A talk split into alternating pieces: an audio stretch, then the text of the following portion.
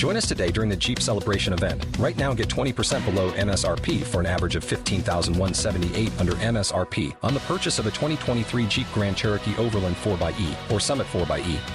Not compatible with lease offers or with any other consumer incentive offers. 15,178 average based on 20% below average MSRP from all 2023 Grand Cherokee Overland 4xE and Summit 4xE models in dealer stock. Residency restrictions apply. Take retail delivery from dealer stock by 4 1. Jeep is a registered trademark. You're listening to the Faster Than Normal podcast, where we know that having ADD or ADHD is a gift, not a curse. Each week, we interview people from all around the globe, from every walk of life, in every profession, from rock stars to CEOs, from teachers to politicians who have learned how to unlock the gifts of their ADD and ADHD diagnosis and use it to their personal and professional advantage to build businesses, to become millionaires, or to simply better their lives. And now, here's the host of the Faster Than Normal podcast, the man who doesn't understand how anyone could have leftover pizza, Peter Shankman. Hey guys, Peter Shankman. Welcome to another episode of Faster Than Normal, where we know that being ADHD is actually a gift, not a curse. It is a beautiful Monday morning. Actually, it's not true. It's hot as hell here in New York City. I am haven't haven't moved from my desk all day because I ran the New York City Triathlon yesterday, and I am relatively exhausted and close to dead, but that is okay. It was a wonderful race, and I was high as a kite for the dopamine and serotonin that was the result of my sub three hour Olympic distance triathlon. Someone who knows about the benefits of dopamine and serotonin is our guest today on Faster Than Normal. I want to introduce you to Kirsten, Dr. Kirsten Milliken. I was told, I, I said, so do you want to go Kirsten? She goes, well, I am a doctor. So Dr. Kirsten Milliken, who, who is a doctor, welcome to the program. Thank you very much, Peter. I'm impressed that you did a triathlon. I did, yeah. And that you're so jazzed about it. I did. It rocked. It, it got me totally back into my happy place. That's that's. Some people do other things for those those sort of endorphins, and and, and, Yeah. and those are bad. I, I I run and I swim and I bike, and you know, logic is you know why suck at one sport when you could suck at all three. Um, so you wrote a book. You are our guest today, and you wrote a book. You reached out to me after listening to the podcast, and I think blatantly said, "So when should I be on the podcast?" And I'm like, "Well, that's ballsy. so let's get around here." So you wrote a book that actually intrigued me, and I downloaded it and actually read a little bit, which for someone with ADD is you know pretty impressive. It's called Play DHD. Yeah. It's the pre- premise that permission to play a prescription for adults with ADHD. And that intrigued me because I am of the belief that work and play, you shouldn't know the difference. If you're doing it right, it should be very hard most of the time to tell the difference. So tell us your, your backstory. By the way, do you have red hair or is that just the lighting in your Skype photo? Because it's beautiful if you have red hair. I have red hair. Actually, right now I have red and purple hair. Even better. Even, Even better. That, that is, is how it should be. So, Dr. Kirsten Milliken of the red and purple haired Millikens, tell us your story. What, how did you get into this field? What, where did you study? When did you decide that play rocked, and when did you decide to write a book on it? Well, you know, I I kind of fell into this field in graduate school. My dissertation was actually peripherally on ADHD, although I didn't label it as such. But it wasn't until many many years later I had children, and um, my younger son was having some challenges in school when he was young and we brought him to the pediatrician. The pediatrician said uh, you know he needed to take off his shoes to get his feet checked and his socks and he took off one and then found the the thing to use on his knee. And we couldn't get him focused. And i and, my, and the doctor said you know is he always like this? And i'm like yeah it's no big deal whatever. And he says you ever think maybe he has an attention problem? No not really. He's just like me. I don't it's fine and a few days later, his teacher, we had a parent teacher conference, and the teacher said, you know, he's way more distracted than most kids in the class, and, you know, on and on and on. And so my son was ultimately diagnosed, and working in, you know, as a psychologist, I knew that ADHD had a really high level of heritability, and his father definitely does not have ADHD. And so it dawned on me in that moment as it does for a lot of adults when they come to the realization that that it, you know it, it's from them maybe their kids gotten diagnosed that everything from their childhood now makes sense. Why they were always fidgety why they had a hard time focusing why you know certain things were easy and other things were hard. And so you know i'm sitting here thinking wow i've been working with people with adhd for years and didn't and everybody kept saying you know, Kirsten just gets it. We don't know why, but Kirsten just gets it. Send your clients to her if they have ADHD. And then I figured out why. It's funny. But yeah, and but you know, so there's always the big controversy around medication, how to treat it.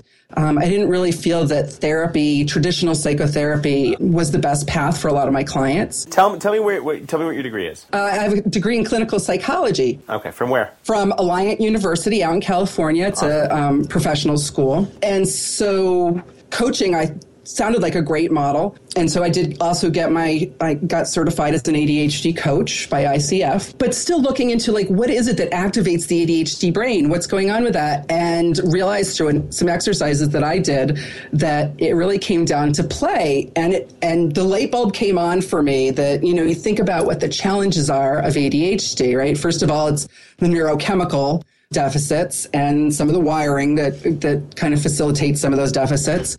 And and outwardly it's attention interest motivation focus. And play or being playful you are fully paying attention clearly motivated to continue wildly focused and it activates dopamine which is the same neurochemical that is challenged with ADHD. So to me, I thought, well, there must be tons of research out there making this connection.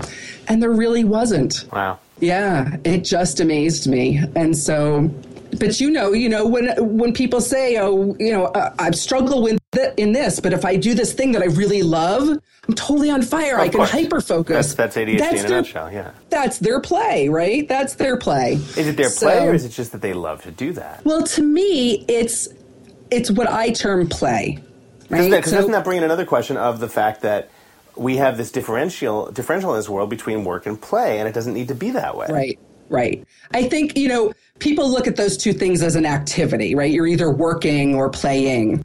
And I think really it's about your mindset. Right. Right. So you can approach anything with a mindset of being playful. And some of the examples that I give in my book, things like doing your taxes, like everybody thinks about doing your taxes as work. You are working when you're doing your taxes. But if you approach it with the attitude that you're going to make it fun, maybe invite some friends, you know, have some contests about, you know, who gets what number on which line, things like that, you can do the work in a playful way that kind of overcomes the challenges that many of us with ADHD have around our taxes. Yep. It's interesting, you know, the, the I think even in school as kids, we are taught to separate work and play. It's the concept of hey, do your math, yes. and then you can go to recess. Yes, yeah. You know, and, stop and, goofing off. Right. Stop goofing off. Yes. And and you know that that of course speaks to the bigger issue of the fact that that we probably need to rethink, you know, how we're looking at teaching and looking at education in, in a nutshell. But that's it's a, a conversation that will not fit into the like 18 minutes or whatever we have left 17 minutes so not at all so talk about play so you so you have a the premise is that for adults, play is sorely lacking yet sorely needed and incredibly helpful. Talk on that for a bit. So, back in the day, Peter, we all played through school, and, and now hopefully a lot of kids are still playing.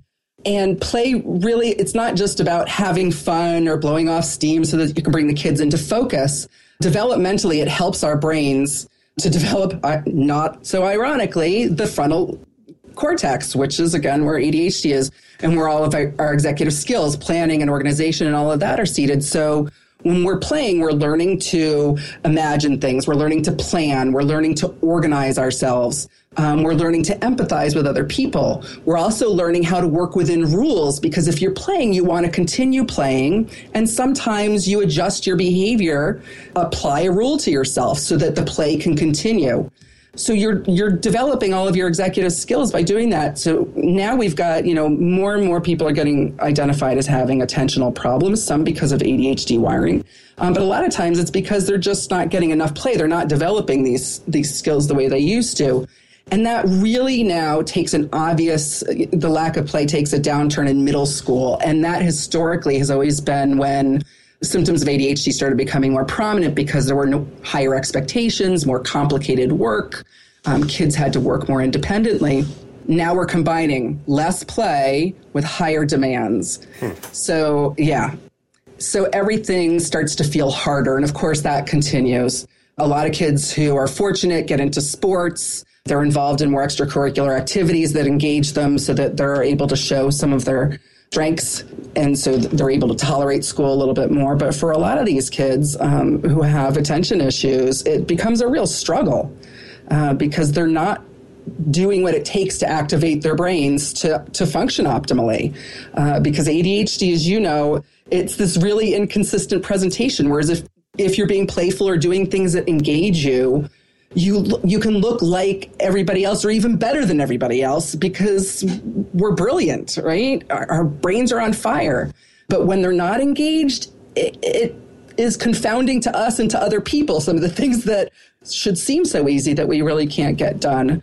And then, of course, you get all the negative messages stop goofing off, you know, you've got to work. And so work becomes kind of symbolic with this pain, mental and sometimes almost physical and emotional pain, um, because it can feel so hard yep. to do these things. So tell me about. So you have patients that come to you, and you know I'm out of control. I have ADHD. I can't focus. I'm suffering at work. I'm suffering. Take us through the steps, because you, if you, I have a feeling that if I, not knowing what I know now, if I just went in on a, you know, doctor says, hey, I think you have ADHD. Go look at it. The first thing that you say is, okay, you need to play more. Well, that was a waste. of, that was a waste of a hundred bucks, right? Okay, so tell me, right. you know, how is this? How is this connection made to them so that they embrace what you're talking about? Well, first of all, you've got a good point, which is most of my clients are adults, and when you say play, they think goof off, exactly. right? We're still operating from that model. And so, really, typically they're coming in and we're starting with a more traditional model of work versus everything else and more exploring what their ADHD looks like. Using the old DSM 4, the symptoms, there are like 18,732 combinations of ADHD, right? So somebody comes in my office and say, says they have ADHD or attention issues, it doesn't tell me very much about them. Right. So really, the whole first part of any kind of uh, relationship, whether it's coaching or um, therapy, is figuring out what their ADHD looks like. What are they challenged by? Where are their strengths? When have they been successful? When have they been successful at things that they might have thought were challenges, but maybe even just once they were successful at it? And so starting to figure out, getting really um, detailed about what was it that lit them up, that got their brains on fire so that they could do these things. And how can we start to build basically a playbook or a playlist of ways that they can be playful.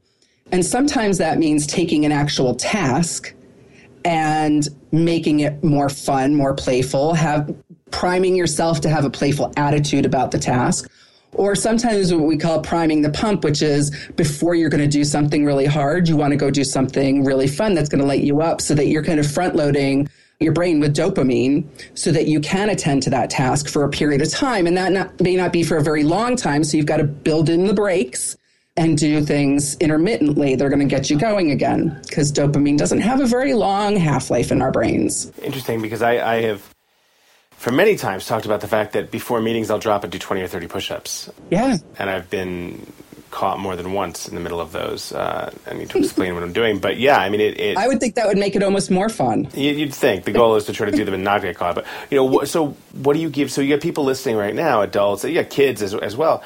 Talk to me about advice that you're going to give them flat out. It says, look, here's why you're different, but here's how you could maximize that to your advantage. Absolutely. So just like there's so many different kinds of play, and people have different personalities people should know how they like to play how they like to be playful. You know, is it on your own? Is it with another person? There's a whole list of play types that Stuart Brown from Stanford University originally came up with, and they're included in the in the book as well. So know how you like to play. And you want to plan ahead because, you know, every day you're going to be faced with some challenges that maybe you're going to shut your brain down and make things difficult for you. So knowing ahead of time that you have something to go to to kind of get yourself going I strongly recommend not using screens as much. I you know I'm sure you've talked about it, but yep. that we're getting this artificial dopamine, you know, hit every time we're going on screens, and we're not teaching ourselves to focus and pay attention. Um, so really doing things that are away from screens if it's possible to get yourself going. Obviously, setting up your environment and doing tasks and setting up your environment in a way that works for you. I find so many times that people with ADHD say, you know, all of my coworkers do it this way, or all of my ah. friends do it this way, right? And I, it just doesn't work for me, but I keep trying. You know, they've all got this planner. And I keep trying, but it doesn't work. I don't use it. And I'm like, well, why do you keep beating your head against the wall? Right. Do it the way that works for you. It doesn't have to be the way everybody else does it. So, you know, cut yourself a break, figure out what works for you. You know, ask somebody else to work with you around that. Sometimes they can see some of your habits better than you can see your own habits. So that can be helpful. and practice being playful. You want to start noticing how does it feel? You know, when you're approaching something playfully or just doing something that's naturally playful, how does that feel different in your brain? Because when we can start to become aware of ourselves and how we're functioning and feeling and operating in different modes, then we can use that information to try and repeat that over again. So tell me your favorite way to play. I don't know if I have a favorite way to play. It's always with somebody else. I've got a trampoline in my backyard, so if I'm home, I like going out. Of course you do. Of course I do. Of course I do. Know, we all have trampolines in our backyard. Don't we all have should. backyards, right? Yeah, right. A big, big 12 foot trampoline. um, so I like being around other people, whether it's, you know, going to a conference and giving a talk or going for a bike ride with my kids or jumping on the trampoline with friends and trying not to kill ourselves. What do you do when you What do you do when you get into? It's like, okay, I have the next three days. I have to do X, Y, Z. It's going to be boring as hell. I'm going to hate it. Uh, I might not have time to go for that morning run, or I might not have time to do whatever gets the dopamine. Yep. What is What's the answer? Because I know that that half my audience is thinking that right now. Well, I'll tell you, I actually work out of a co working space when I have tasks to do. I've got a home office, but I have a co working space that I go to. And there are areas there where it's very quiet, but just having another person there to me, like that energy of everybody working together, absolutely does it for me. And you can do that at a coffee shop. And then there are other areas where there's uh, more conversation going on. And I find that if I can talk things out loud, that I can really focus even more and be more productive as long as I like limit that. But and the topic is always about whatever work I'm supposed to be doing. Things like, you know, making things colorful, having more than one color highlighter, standing. I have a every desk that I work at I have three different settings that I'm working in, all have standing desks because I like to move around. It just makes things hmm. more energetic and my brain, I always tell everybody my brain works better. So, you know, some of those are really practical. And then having things around you that are just amusing to look at or whatever it takes. And again, that's part of the process is figuring out what works for you and knowing what lights your brain up. Okay.